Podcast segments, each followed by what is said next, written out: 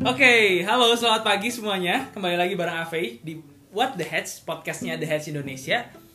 Eh, apa kabar nih buat teman-teman pendengar? Jadi semoga teman-teman di kondisi new normal ini bisa jadi pribadi yang lebih baik pastinya karena mendengarkan podcastnya What the Heads.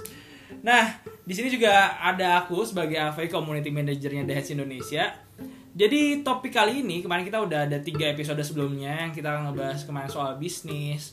Nah sekarang kita bakal ngebahas tentang eh, apa ya lifestyle lah ya bisa dibilang ataupun pengalaman pribadi dari partnernya aku di The Hedge ini dari Bima. Kita akan ngomongin soal perbandingan zaman kuliah dan pas udah kerja kayak gimana kayak gitu. Jadi intinya kita bakal ngebahas tentang apa sih hal-hal yang bisa dibawa ketika kamu kuliah dan apa yang bisa diimplementasiin saat bekerja gitu.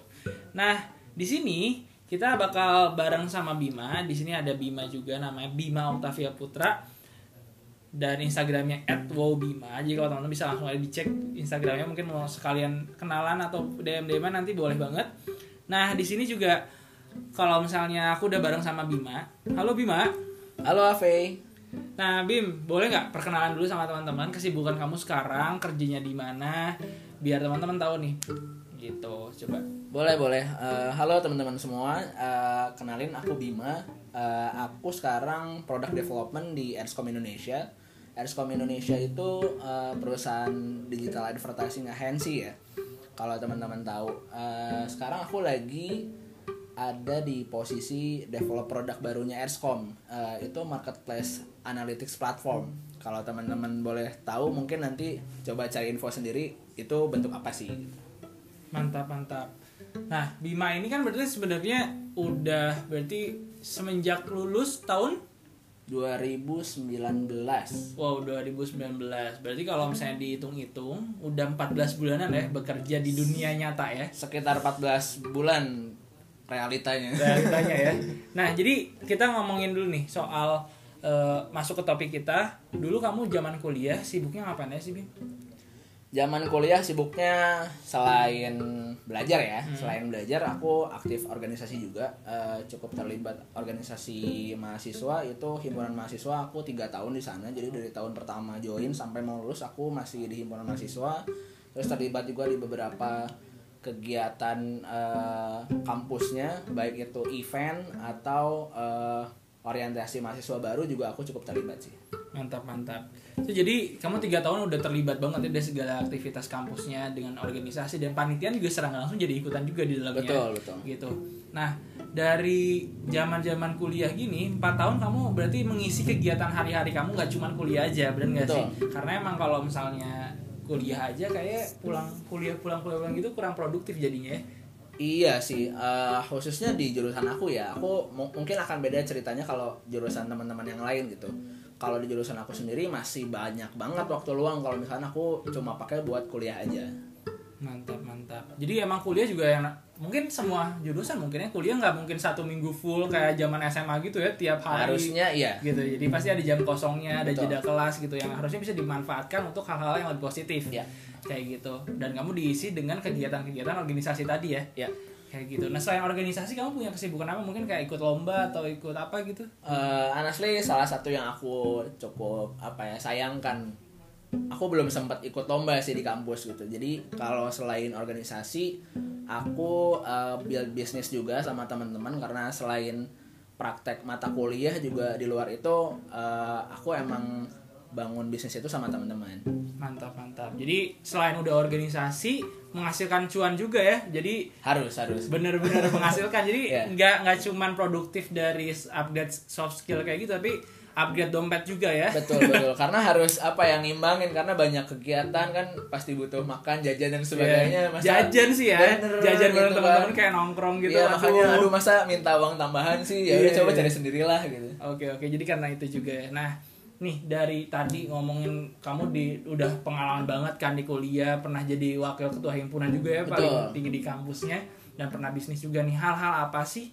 yang bisa kamu bawa ketika udah lulus tuh ngerasa aku bisa deh sanggup buat jago ngomong pas interview kerja nih proses interview Iya. kerja kamu ngerasa jadi orang yang kayak gimana sih setelah ikut organisasi itu punya pengalaman itu ngerasa orang yang pede dalam hal apa sih gitu jadi kalau misalkan cerita hal itu eh, PD tentunya selain karena sudah terbiasa ya menghadapi beberapa interview waktu kegiatan kampus, organisasi mahasiswa, presentasi eh, itu memang nambah kepedean. Tapi jangan sampai juga jadi kelewat PD karena kamu nggak coba cari informasi yang lain.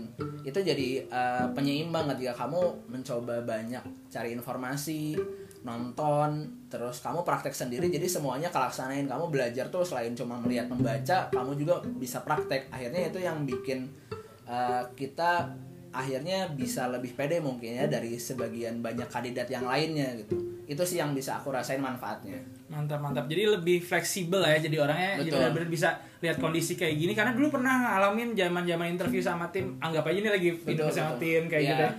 Ya. Jadi ada ada experience yang bakal bisa dibawa ya di dunia kerja Iya, tadi iya. ya. Nah, oke, tadi udah ngomongin tentang masalah setelah ketika lulus. Nah, ketika lulus kamu ngapain sih?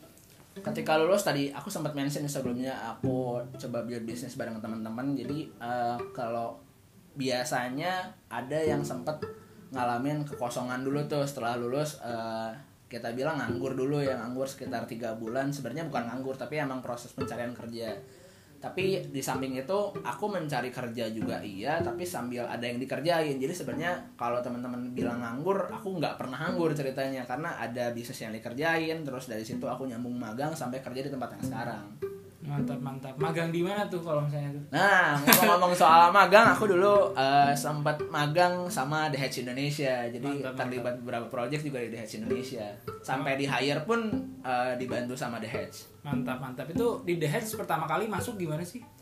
Gimana prosesnya? Terus mungkin ceritain teman-teman biar tahu juga. Oke, eh, proses rekrutmen di The Hedge itu atau seleksi magangnya eh, mungkin jadi hal yang biasa kalau sekarang. Mungkin kalau dulu agak aneh karena eh, jujur Hedge ini kan eh, bergerak di industri digital ya. Hmm. Jadi biasa orang interview itu harus datang ke tempatnya, Betul, eh, seleksi berkas pun dan sebagainya. Di Hedge itu enggak. Kita udah seleksi berkas juga udah eh, semuanya soft copy online. Terus interview juga udah di rumah aja lewat Google Meet yang teman-teman biasa sekarang capture dulu terus diupdate itu udah hal biasa banget di The Hedge. Jadi bukan hal yang baru ketika Covid. Aku merasakan hal ini emang udah dari dulu udah terbiasa. Dimulai dari The Hedge sudah udah biasa. Mantap, mantap. Jadi pas udah ada orang-orang update, aduh new normal, eh apa covid ini jadi nggak enak ya, ap- apa kelas jadi online, terus meeting jadi online itu nggak enak ya, nggak nyaman, nggak efektif, banyak orang ngomong gitu kan? Iya ya, aku jadi seperti one step ahead sih Iya, jadinya merasa oh, udah biasa sama Iya, ini iya, iya, adaptif sih jadinya. Bener-bener mantap banget. Jadi itu pengalaman banget ya. Iya. Jadi awal-awal pertama udah dari proses rekrutmen aja udah mencoba untuk jadi anak digital secara dalam saya betul. apa-apa semua digital, soft copy, online meetingnya juga segalanya Iya. online kayak gitu. Jadi itu membantu banget ya. Dan setelah magang, kamu megang project juga sebagai Hmm, waktu magang kali Iya, ya. waktu Waktu magang. magang itu uh, aku konten spesialis karena aku konten spesialis sempat terlibat tiga project ya di The Hedge. mantap. Itu projectnya ada wisata sekolah dulu namanya wisata sekolah sekarang outing.id teman-teman bisa kepoin instagramnya itu salah satu travel agency Uh, terus ada arisan mapan juga itu produknya Gojek Gojek ya. teman-teman bisa cari tahu juga sama terakhir apa ya aku sempet tiga kok aku ingatnya dua ya Apa ya tiga? Satu lagi pernah megang apa nggak? apa ya tiga kok di linkin aku ada teman-teman kalau mau cari tahu ada linkin aku Bima Octavia Putra Oke, tinggal nanti aku dicek tulis ya. kok di sana kok. Dicek. Bentar kali megang projectnya cuman yang bentar yang bentar cuma satu sebentar bulan ya. banget ya Nah, kalau tadi udah megang project, berarti udah punya pengalaman. Sadar pas magang ini emang dimanfaatkan untuk dapat ilmu ya, iya gitu. Jadi emang secara langsung emang Hedge juga emang jadi talent incubator buat teman-teman yang masih kuliah supaya siap untuk kerja. Walaupun emang udah lulus, kita juga perlu punya program fresh graduate tadi kan. Kamu juga masuk programnya fresh graduate ya? betul betul Oke. Nah, tadi udah ngomongin masalah kamu magang. Terus udah setelah magang kamu diterusin ke mana? Hmm, setelah magang aku eh, kebetulan waktu itu memang lagi butuh orang terus eh, butuh talent. Akhirnya mereka call The Hedge Eh, aku salah satu yang diajukan The Hedge untuk eh, punya kesempatan interview sama Erscom dan alhamdulillah aku yang terpilih sih. Jadi aku dari situ udah join langsung sama perusahaan buat bekerja full time. Mantap, mantap. Itu semua prosesnya dibantu ya sama Heads, maksudnya dibimbing, dideket, maksudnya Betul, betul. ditemenin gitu ya, didampingi lah ya. Eh, selain dampingi difasilitasi juga sampai diantar sama kantor sama ke, ke kantornya dianterin gitu. Wow, wow, mantap, mantap, mantap. Jadi emang baik banget ya secara langsung ya. Jujur baik banget sih, jujur baik banget. Dan gratis ya? Gratis, gratis. Nggak perlu bayar apa-apa. Aku bilang tadi difasilitasi malah gitu, bukan cuma ditemenin karena difasilitasi sampai ke kantornya pun aku nggak ngeluarin spacer pun.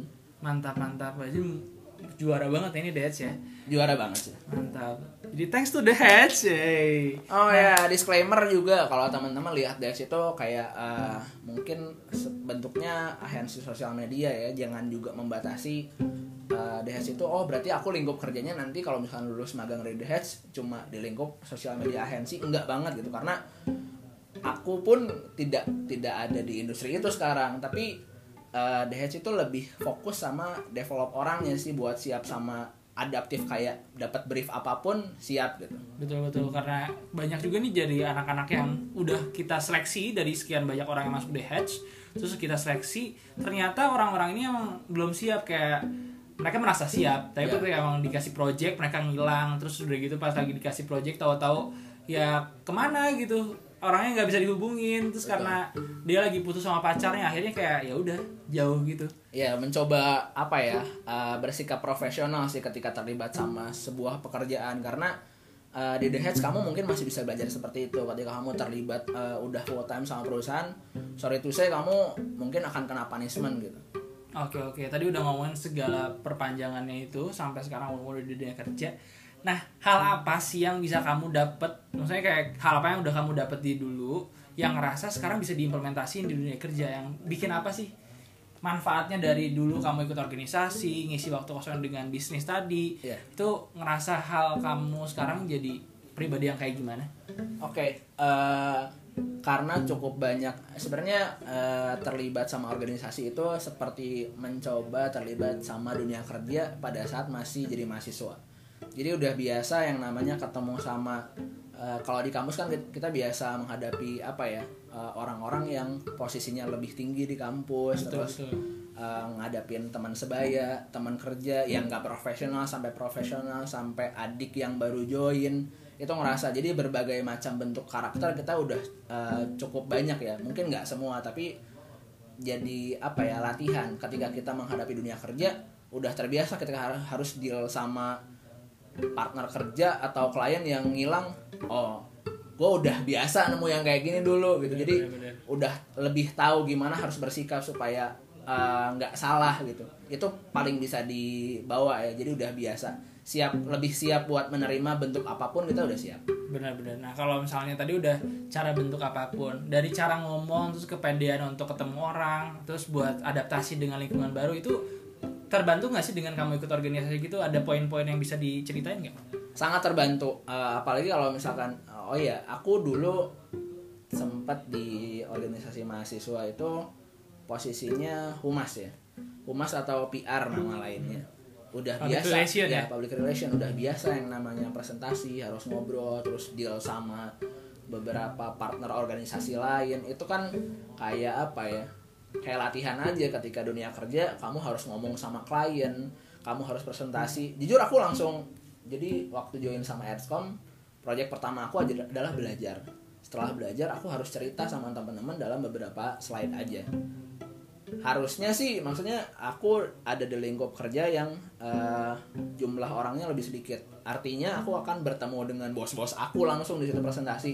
Mungkin aku kalau posisinya fresh graduate yang nggak pernah belajar organisasi kaku sih kaku banget. Iya, cuma ya udah kayak biasa aja cerita biasa. Bahkan presentasi aku nggak menghadapi sesuatu yang gimana ya ngomongnya? gitu. Nggak nggak sampai gitu ya. Udah aku cerita aja. Jadi flow aja ya pokoknya kayak Flow aja, Jadi biasa. emang udah nggak ngerasa beban banget. Kan kadang-kadang orang kayak misalnya aduh sama bos nih deg-degan banget nih Iya, pertama iya, kali benar, gitu ya. benar. Ya Udah pernah sih biasa. denger-denger hal itu kayak gitu. jadi presentasi langsung cerita aja. Mau ngobrol langsung colek aja gitu. Jadi nggak perlu takut ragu gemeteran terus mungkin teman-teman ada yang suka sakit perut keringat dingin itu udah enggak sih.